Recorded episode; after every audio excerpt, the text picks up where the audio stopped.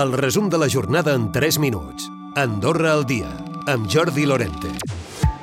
Aquest diumenge 3 de desembre ha començat la campanya electoral en vista a les eleccions comunals del pròxim 17 de desembre. Són 14 candidatures en total. Només Canillo té una llista, això sí, la resta de parròquies tenen dues, a excepció de Sant Julià, que en té tres. Estan convocats a les urnes aquest diumenge 17 de desembre 30.401 electors.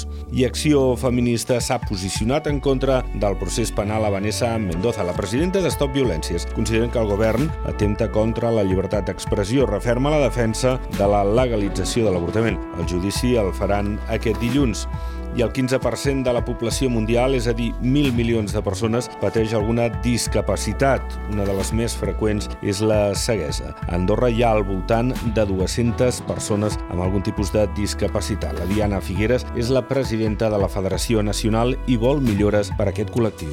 És eh, donar eines i ajudar les associacions de manera que les persones amb discapacitat puguin viure de manera inclusiva dins de la nostra societat. Nosaltres voldríem que, que s'aprovés la llei d'accessibilitat, que ja està molt treballada i s'ha d'aprovar, que eh, hi hagués, per exemple, un, un carnet, eh, una targeta de, acreditativa de discapacitat que fos vàlida fora de les nostres fronteres, per exemple.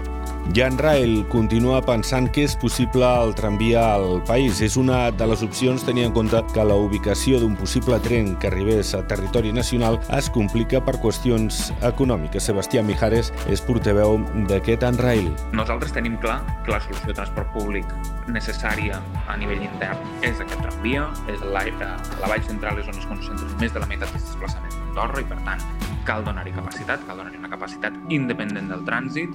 Les muntanyes ens confinen en valls on tothom està en línia recta i, per tant, amb una, sola, amb una sola línia dones servei a pràcticament tothom. I ambient de Nadal aquest cap de setmana a la plaça de la Germandat de Sant Julià de Lòria, que ha acollit la 39a edició de la Fira de Santa Llúcia. Una vintena de parades, de guarniments de Nadal, complements, alimentació i bruixeria han fet part d'aquesta Fira de Santa Llúcia.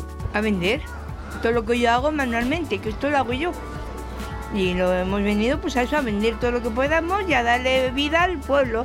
Què falta li hace?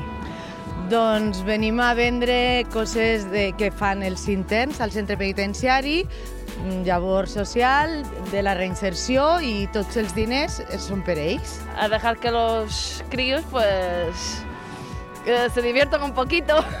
No, la veritat és que està molt bé. Les diverses activitats amb tallers i també esdeveniments culturals i musicals continuaran fins al dia 9. Recupera el resum de la jornada cada dia a AndorraDifusió.d i a les plataformes de podcast.